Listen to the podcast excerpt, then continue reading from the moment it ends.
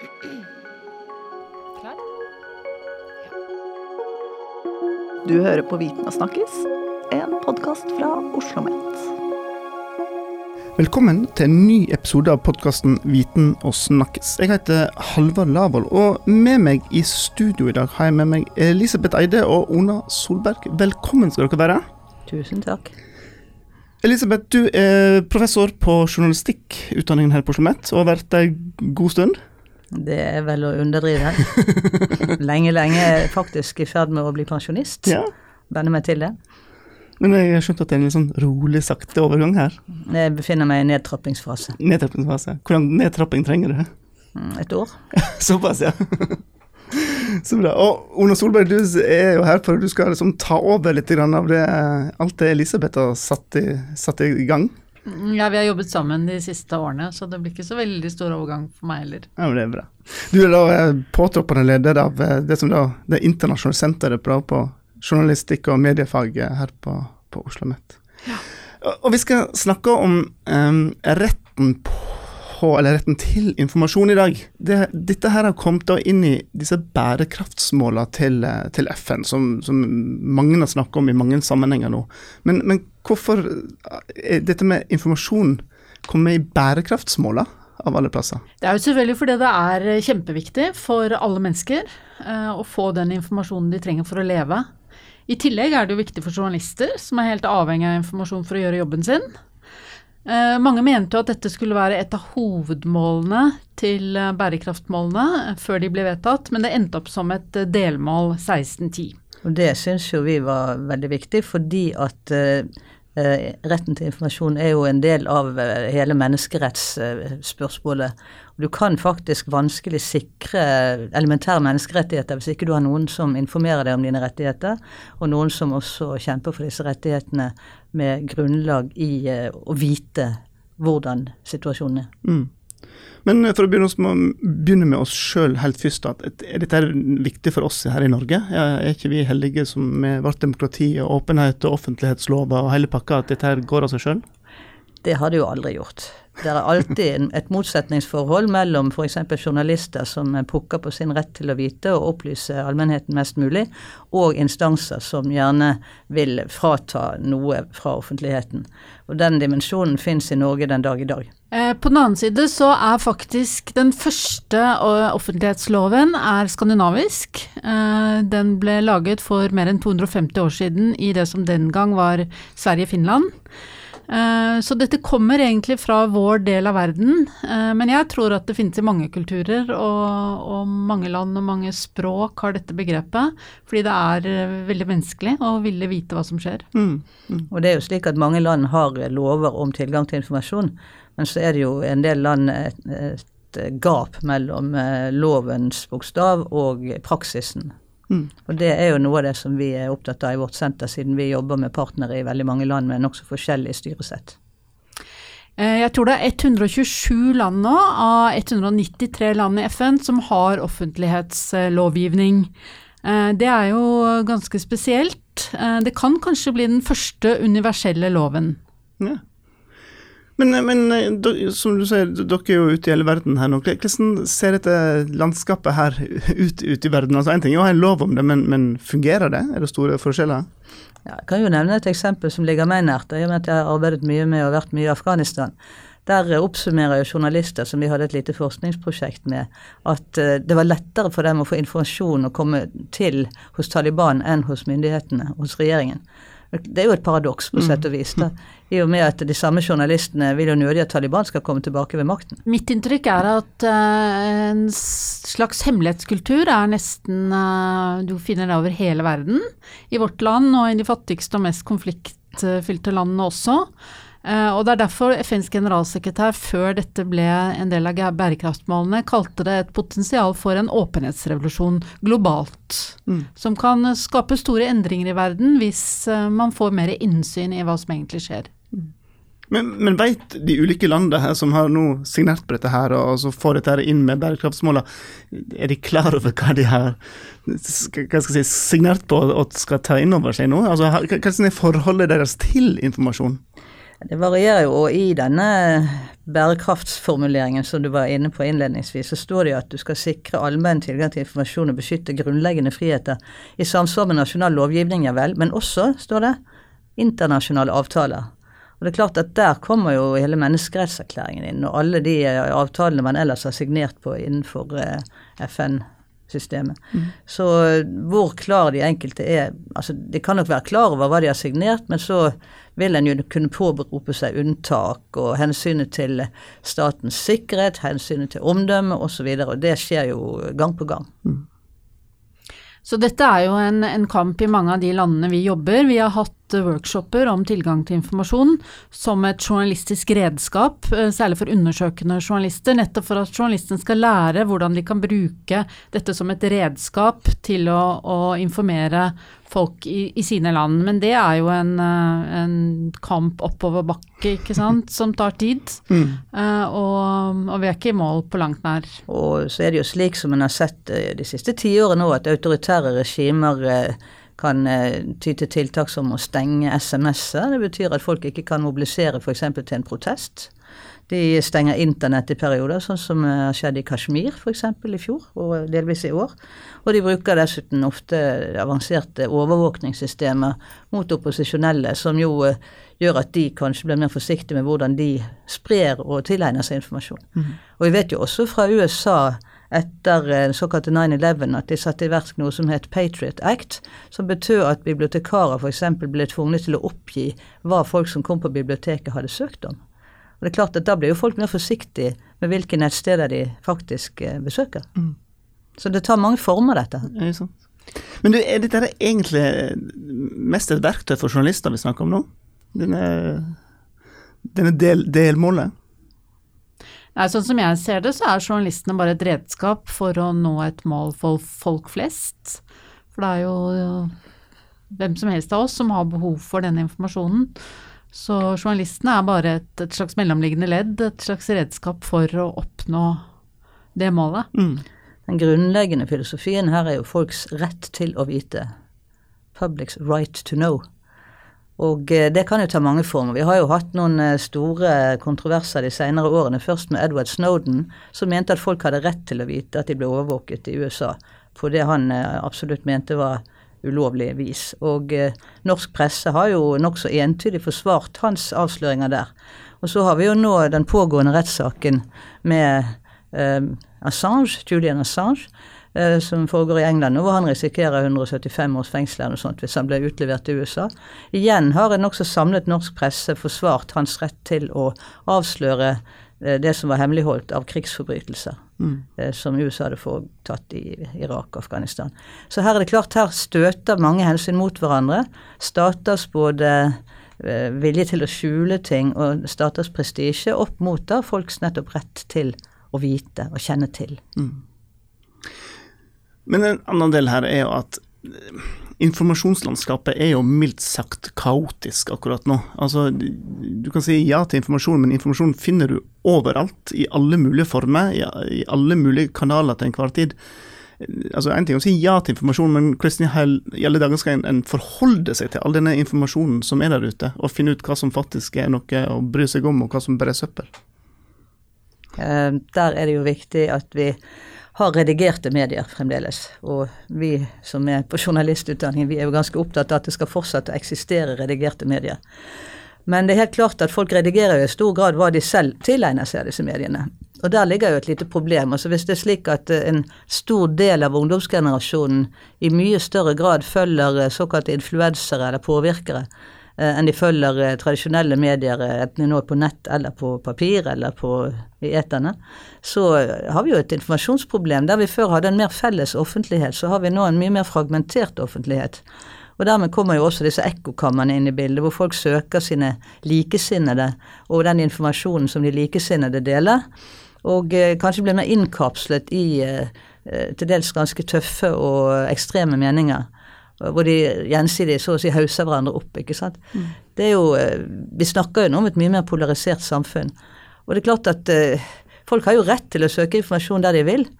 Men eh, du får jo et dilemma med hvor du skal eh, plassere ytringsfriheten i forhold til folk som f.eks. oppfordrer til vold og til angrep på personer. Det ser vi jo klart i dag. Men er det, er det, er det kun journalistene vi har til å hjelpe oss i dette kaoset her? Nei, altså ideelt sett så skal jo eh, alle som driver med informasjon, eh, bedrive sannferdig og allsidig informasjon. Sannferdig i den forstand at også en eh, bedrift eller et departement eller en ordfører ikke skal legge skjul på negative sider ved virksomheten. ikke sant? Der må nok journalistene titt og ofte hjelpe dem litt på vei når det gjelder det negative. Og derfor er journalistikken så fordømt viktig. Og derfor er det jo også et paradoks at vi i dag ser at antallet informasjonsmedarbeidere du sitter jo her, du òg. Eh, vokser, og eh, vokser mye mer, og har for lengst gått forbi antallet praktiserende journalister. Nå oppstår det jo også medier som kaller seg journalistiske, og som i varierende grad blir godkjent som slike, så, så vi har jo en litt flytende grense mellom de redigerte mediene og de Eh, ja, de ikke helt godkjente mediene, da, men som innimellom også kan drive med pålitelig informasjon. Mm. Så det er jo eh, Det skjer mye spennende i journalistikken, da. Ja. men samtidig så er det jo på en måte helt grunnleggende både for eh, hver og en av oss, og selvfølgelig for journalister og andre i samfunnet, å sjekke informasjonen til enhver tid. Det gjelder ikke minst nå som vi gjennomlever en pandemi. Altså Vi må jo forsikre oss om at det som blir sagt og skrevet og formidlet på andre måter, er sant. Det er jo slik at eh, ja, de siste fem, seks, syv årene, jeg er ikke helt sikker på når det begynte, så har vi jo fått slike faktasjekkeinstanser i mange land. Uh, en oversikt så tydet på at det var i hvert fall minst 60 land, og i disse 60 landene minst tre ganger så mange instanser som drev med dette her. Og I Norge har vi jo fakta.no, som er grunnlagt av de store mediehusene i Norge. Og det er klart Disse instansene her de skal jo ikke bare sjekke det som kommer i mediene. De skal også sjekke hvis en politiker sier noe som, eh, de, som noen da eh, innklager til dem som usant, så skal de sjekke om det er sant eller ikke. Mm. Så de har en, eh, et veldig stort virkeområde. Mye større enn bare det som dreier seg om tradisjonelle medier. Og eh, jeg har jo nylig vært i India, eller forholdsvis nylig, og der eh, uh, møtte jeg jo folk som drev med dette her, og som eh, har skrevet en egen bok om desinformasjon. Så dette her er ikke bare i den vestlige verden at du ser en vekst av denne typen instanser. Mm. Det finnes flere i storriket India. Og jeg tror det er fordømt viktig, fordi at hvis vi nå skal ta pandemien, da, så jeg leste jo i en indisk avis i mars at en del grupper innenfor det mer hindufundamentalistiske sjiktet, de anbefaler nå at man skal drikke urin fra kua for å kurere korona. Mm. Og jeg vet ikke hvor veldig utbredt dette er, men uh, det var jo bilder av folk som helte i seg dette, denne væsken. da. Mm. Og uh, i tillegg så drev enkelte og dyppet hendene i kuas avføring, som også er en del av en slags renselse mot pandemien. Mm. Det er jo uh, Men altså, overtro finnes jo mange steder, og dette er vel i den kategorien. Mm. Men tilbake til det med, med faktasjekkerne. Er ikke det bare en ikke det, Har ikke bare outsourca en viktig del av journalistikken til noen andre? Det er et veldig godt poeng. Og jeg syns jo uh, at kanskje må stå på to bein her, men nettopp fordi at det ikke bare skal dreie seg om journalistikken, men også om informasjonsflyten i samfunnet generelt, om politikerutsagn, om bloggerutsagn osv., så, videre, så vil jeg si at det har sin absolutte effekt. Hvis jeg skal komme tilbake til India bare én gang til, så dreier det seg i veldig stor grad der om å avsløre hva politiske organisasjoner sprer. Og vi kan snakke om eh, at eh, støttegrupper for det bærende regjeringspartiet i India nå, de har eh, noe sånt som 60 000 WhatsApp-grupper. Mm. Det er ikke redigerte medier, men det er like fullt noe som sprer informasjon massivt. Mm. Kanskje mer, kanskje mer info, uh, informasjon massivt enn det du vil se i uh, tradisjonelle medier. Mm, mm. Så det er noe med at uh, de redigerte mediene konkurrerer på en ganske svær arena. Sier dette her i dette delmålet her noe om altså Når en ber om å få informasjon fra en offentlig etat f.eks., om hvordan en skal få den informasjonen der. For det, det er jo enkelt å gjøre informasjon si, vanskelig tilgjengelig. En trenger ikke å nødvendigvis å levere informasjon i et format som er, lesbar for uh, hver og en. Ja, det vanligste er jo forhalingstaktikk, at det tar fryktelig lang tid. Eh, det kjenner vi jo til fra Norge også. Eh, faktisk så er et av forslagene som, eh, som, nå diskuteres, er å innføre en slags form for straff for å ikke gjøre jobben sin, da. ikke gi ut den informasjonen som eh, tjenestemennene, de offentlige tjenestemennene er pliktige til å gi ut. Så dette er jo en diskusjon hele tiden. Noen land har faktisk det allerede. Så det er på et arbeid som pågår hele tiden, og som ikke kommer til å være sluttført på en stund, helt sikkert. En norsk rapport som kom for eh, tre år siden, den viste jo eh, departementenes så å si tidsrangering når det gjaldt hvor mange dager de brukte både fra et brev var journalført, og eh, der varierte det sterkt. Jeg skal ikke gå inn i kåringen mellom departementene her, det vil ta for langt. Men, men det var interessant lesning, da. Virkelig. Men Elisabeth og Ona, nå sitter vi jo midt i eh, covid-kaoset, og eh, vi vet ikke helt hva som skjer, egentlig. Hvordan er dette med fri informasjon inni inni pandemien her, når det, skjer ting hver dag, og forskningen ikke jobber med saken, og det er mange aktører her. Det, det, det er jo litt sånn tilbake til dette kaoset som eh, vi snakket om i stad. Jeg vet ikke om jeg syns det er så kaotisk i Norge iallfall. Fordi at her har vi eh, helsemyndigheter som om ikke alltid går i spann. Det har jo vært litt motsetninger noen ganger mellom Folkehelseinstituttet og, eh, og andre instanser. men jeg syns jo tross alt at fordi vi har en brukbar journalistikk på temaet, og fordi at eh, du har jo funnet en gudbenådet eh, formidler i Espen Rostrup Nakstad f.eks. Han har vel blitt hyllet omtrent av samtlige både journalister og andre. Så altså, ja, det må være kaotisk, men eh, jeg har jo jobbet med klimaforskning en del tidligere. Og det er klart at forskere må si at de er usikre når de er usikre. Hvis de sier noe annet, så blir det også fake news. ikke sant? Så det er litt viktig at forskerne formidler den usikkerheten. Vi kan ikke si dato når vi får en ny vaksine, og det er ikke alltid vi kan si hvor faren er størst heller. Og det, det tror jeg vi bare må ta inn over oss, at sånn er det med forskning, og det er nyttig lærdom for oss, tror jeg akkurat det der. Samtidig så er jo dette en helt ny situasjon. Altså vi vet jo veldig lite om dette viruset. Vi vet ikke helt hvor, hva slags verden vi kommer til å leve i om et halvt år.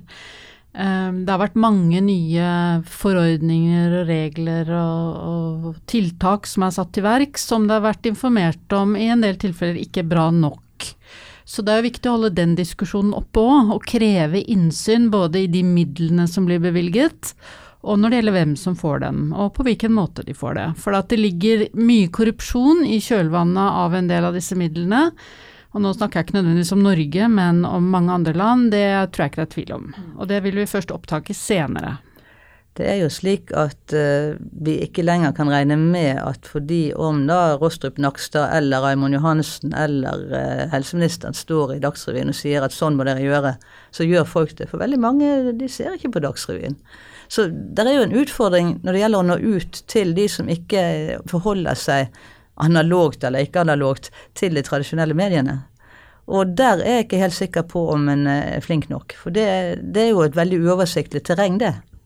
Skal en da Altså, ja, regjeringen kan tweete, og de kan uh, drive med Facebook-oppdatering og alt dette her, og nå vel noen flere da, men det vil være folk som er i sine små kamre eller eh, holder på med sine influensere. Så hvis en kunne greie for alle influenserne til å opptre med maske, hadde det kanskje vært en hjelp. Men det jeg også har sett, er at veldig små kommuner rundt omkring i Norge er veldig flinke til å informere og oppdatere informasjonen, og at det er veldig mange flinke eh, leger og annet helsepersonell rundt omkring i Norge som uh, gjør informasjonsjobben sin veldig bra. Men, men du var inne på dette med, med altså forskningens rolle her. Men er, er journalistikken god nok til å forklare hva som ligger bak informasjonen, altså hva som skal til for å få kunnskap om noe. For det er ikke, Vi sitter jo her på et universitet og har en ganske god peiling på akademia og hva som ligger bak forskning av uh, modeller og tid, og ikke minst det. Men dette er jo ikke noe alle vet. Nei, det er jo litt forskjell på folk. Men jeg kan jo, som har vært her lenge, som du jo er flink til å antyde innledningsvis, si at uh, vår tidligere student uh, Halvard Sandberg, som har vært en nokså ledende formidler i uh, NRK, han syns jeg er ganske flink til å Han kan forskning. Han er en ja, realfagsmann. også opptatt av romfart, mm. faktisk. Men han har jo, syns jeg, vært ganske god til å formidle. Og han ble jo også fanget opp av et av de språkprogrammene i NRK som en eh, sånn superformidler. Mm.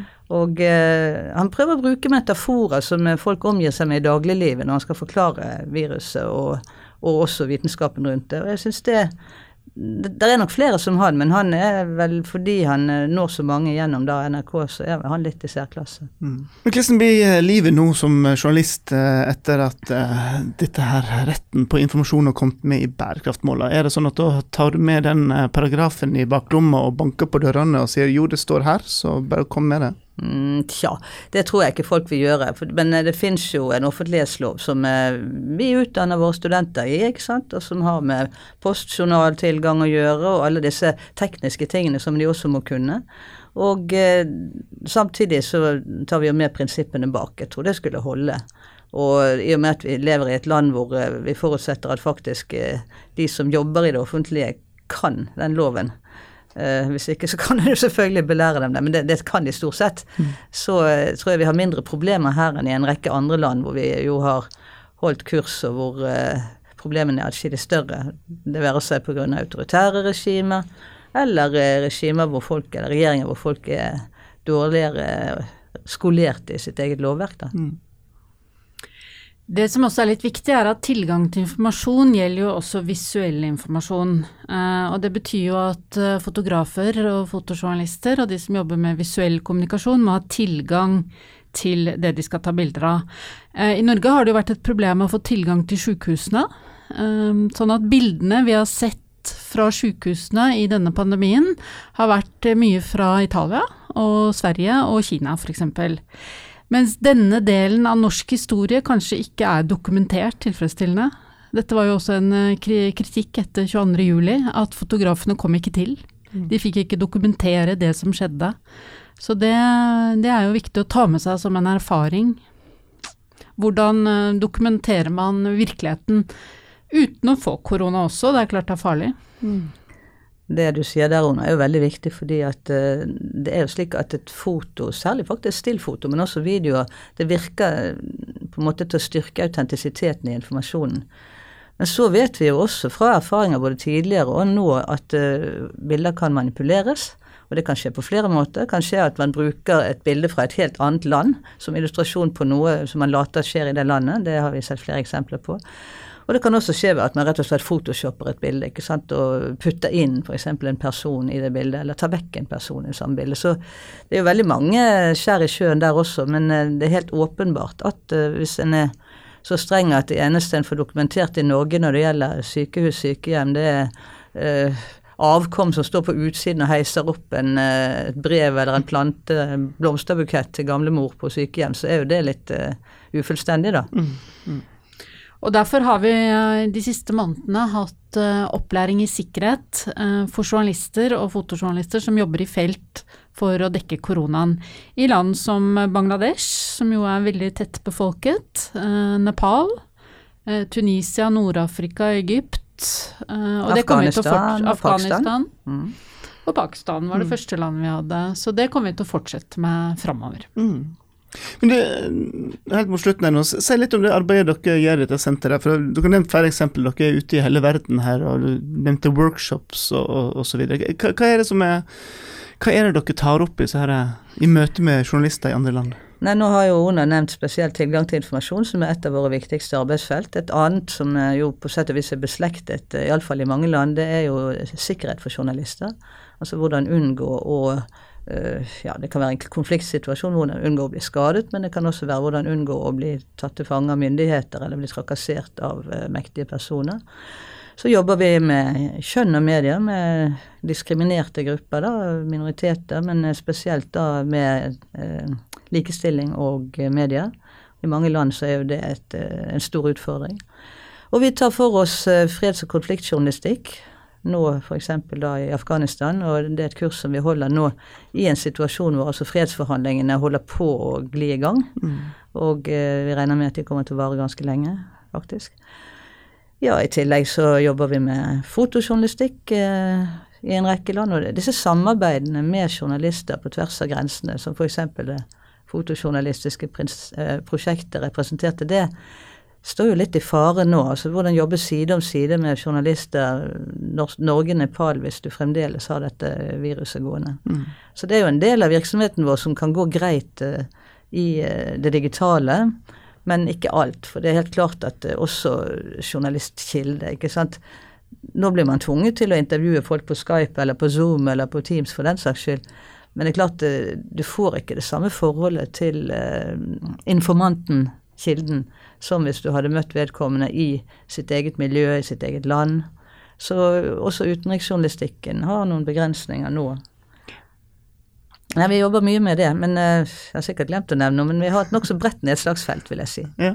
Jo, vi har jobbet med klima også. Vi har et stort uh, klimaprosjekt hvor vi har intervjuet uh, unge ledere i 23 land over hele verden om hvordan de ser på klimakrisen, og hvordan de jobber med det, og ikke minst hvordan de forholder seg til mediene. Mm.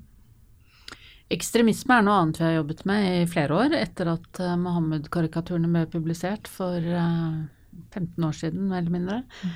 Så, så, er jo det en stadig aktuell problemstilling uh, mange steder. Men noe av det viktigste i de tida som kommer, tror jeg er omstilling og innovasjon og entreprenørskap. Fordi det er veldig mange nå som sliter. Mange av våre partnere har fryst sine aktiviteter. De har ikke penger til å fortsette. Sånn at det tror jeg blir viktig framover, å finne, tenke nytt og finne på nye måter å gjøre ting. Mm. Og så er det jo det vi er nødt til å ta som en del av de utfordringene noen har snakket om, det er jo hvordan skal vi hindre desinformasjon. ikke mm. sant? Finne ut hvem er det som holder på med dette her. Gjør de dette bevisst? Eller gjør de det ubevisst? Altså slip of the mind, hadde jeg nær sagt. Og hvem er det som sikrer spredningen? Er det algoritmer? Eller er det konkrete personer som står ansvarlige for institusjoner? Er det Google, Facebook som har en nokså uh, skal vi si, litt sløv moderasjonsvirksomhet, delvis uh, veldig outsourcet til fattige land? Og så uh, budskapet. Hvordan kan vi analysere disse budskapene? Hvor farlige er de? ikke sant? Og hvilke nedslagsfelt får de? Altså, her tror jeg vi trenger å gå inn også i kursvirksomheten vår og i samarbeid med partnerne våre om dette, for det er et felt som er uendelig stort. Og eh, da gjelder det jo også det som jo på godt uh, ikke-norsk heter Media and Information Literacy, som UNESCO og andre FN-organisasjoner er svært opptatt av for tiden. Å få til eh, det du kan kalle da informasjonsbevissthet. Og jeg har jo mange år tenkt at vi burde samarbeide mer med lærerutdanningene. Fordi at det er jo de som må fostre de nye generasjonene i denne typen forståelse, altså medieforståelse, informasjonsforståelse. Mm. Så hvis vi og lærerutdanningene jobbet mer sammen om disse tingene her, så kanskje vi får noen generasjoner i framtiden som eh, er litt sånn småeksperter i å skille falskt fra ekte. Og det er jo viktig. Men hva er forskjellen på medieforståelse og kildekritikk? Er det samme, eller? Kildekritikk er en del av medieforståelsen, men det er klart medieforståelsen går videre. Å skjønne uh, institusjonelle spørsmål, å skjønne det journalistiske feltet med alle dets uh, skrevne og uskrevne regler, som ofte oppsummeres i rygg, ryggmargsreflekser eller magefølelse og lignende. Så det er jo uh, Altså, de kan godt, de, de er sterkt, sterkt beslektet, men jeg vil si medieforståelse kanskje enda mer overordnet. Mm. Og så uh, skal dere ha et arrangement om uh, tema uh, informasjon nå på torsdag 1. oktober. Kan du si litt om det, Ona? Ja, det er et samarbeid mellom Utenriksdepartementet, Unesco, International Media Support, som er en dansk organisasjon som har jobbet med mediestøtte i mange år, og oss. Det har aldri skjedd før. Det som heller aldri har skjedd før, er at utenriksministeren kommer til Oslo Met Eh, dessverre må vi ha de utenlandske gjestene på Zoom, fordi eh, situasjonen er som den er med spredning av virus. Eh, men vi håper å kunne ha noen få i studio, eller i salen. Vi håper på mange spørsmål, og, at mange blir med i diskusjonen om, om hvordan man kan få rett til informasjon. Hva er UD sin rolle i dette her? De støtter jo faktisk De har en seksjon for eh, demokrati, menneskerettigheter og likestilling som eh, faktisk eh, bruker en god del midler på å støtte tiltak for eh, det vi kan kalle medieforståelse, men ikke minst da fri journalistikk i en del land. Mm. Så det er jo en vesentlig del av deres rolle. og De, også, de er jo også tilsluttet FNs bærekraftsmål, inkludert av punkt 1610. I tillegg så er rett informasjon, eller tilgang til informasjon, som vi ofte sier på norsk, ett et av tre satsingsområder i eh, den såkalte ytringsfrihetsstrategien som eh, UD kom med i 2016. Den skal revideres, men det er fremdeles ett av tre hovedmål, ved siden av beskyttelse av ytrere eller sikkerhet og uavhengige medier. Eh, så det er en norsk satsing, og den er vi med på. Mm. Noe av det som er mest spennende med det seminaret vi skal ha, er at vi har invitert FNs nye spesialrapportør for ytringsfrihet. Hun heter Irene Khan og er opprinnelig fra Bangladesh. Det er første gang en kvinne har den jobben, så det er vi veldig spent på. Og, og det er spennende selvfølgelig at hun kommer fra et land i sør. Um, en annen person som vi er veldig stolte over at har sagt ja, er Thomas Hughes, som er med i Facebook Oversight Board. Han er tidligere leder for ytringsfrihetsorganisasjonen Article 19 og har bakgrunn i menneskerettighetsarbeid. Eh, men nå sitter han altså midt i, i Facebook som sjef for dette styret. Mm. Sammen med for øvrig eksredaktør av The Guardian, Alan Rusbridge, mm. som ikke kommer, men derimot kommer lederen for uh, International Media Support, Jesper Høiberg. Og uh, Guy Berger, som er helt sentral i UNESCO i Paris. Og en som vi kanskje vil si vi er spesielt stolt av, det er Abir Sadi, som er mangeårig krigskorrespondent. Dekket all verdens konflikter i Midtøsten, fra Egypt. Holder på med doktorgrad om sine erfaringer fra dette her, og har drevet med en rekke kurs nå innenfor temaet pandemijournalistikk for uh, vårt senter. Fantastisk.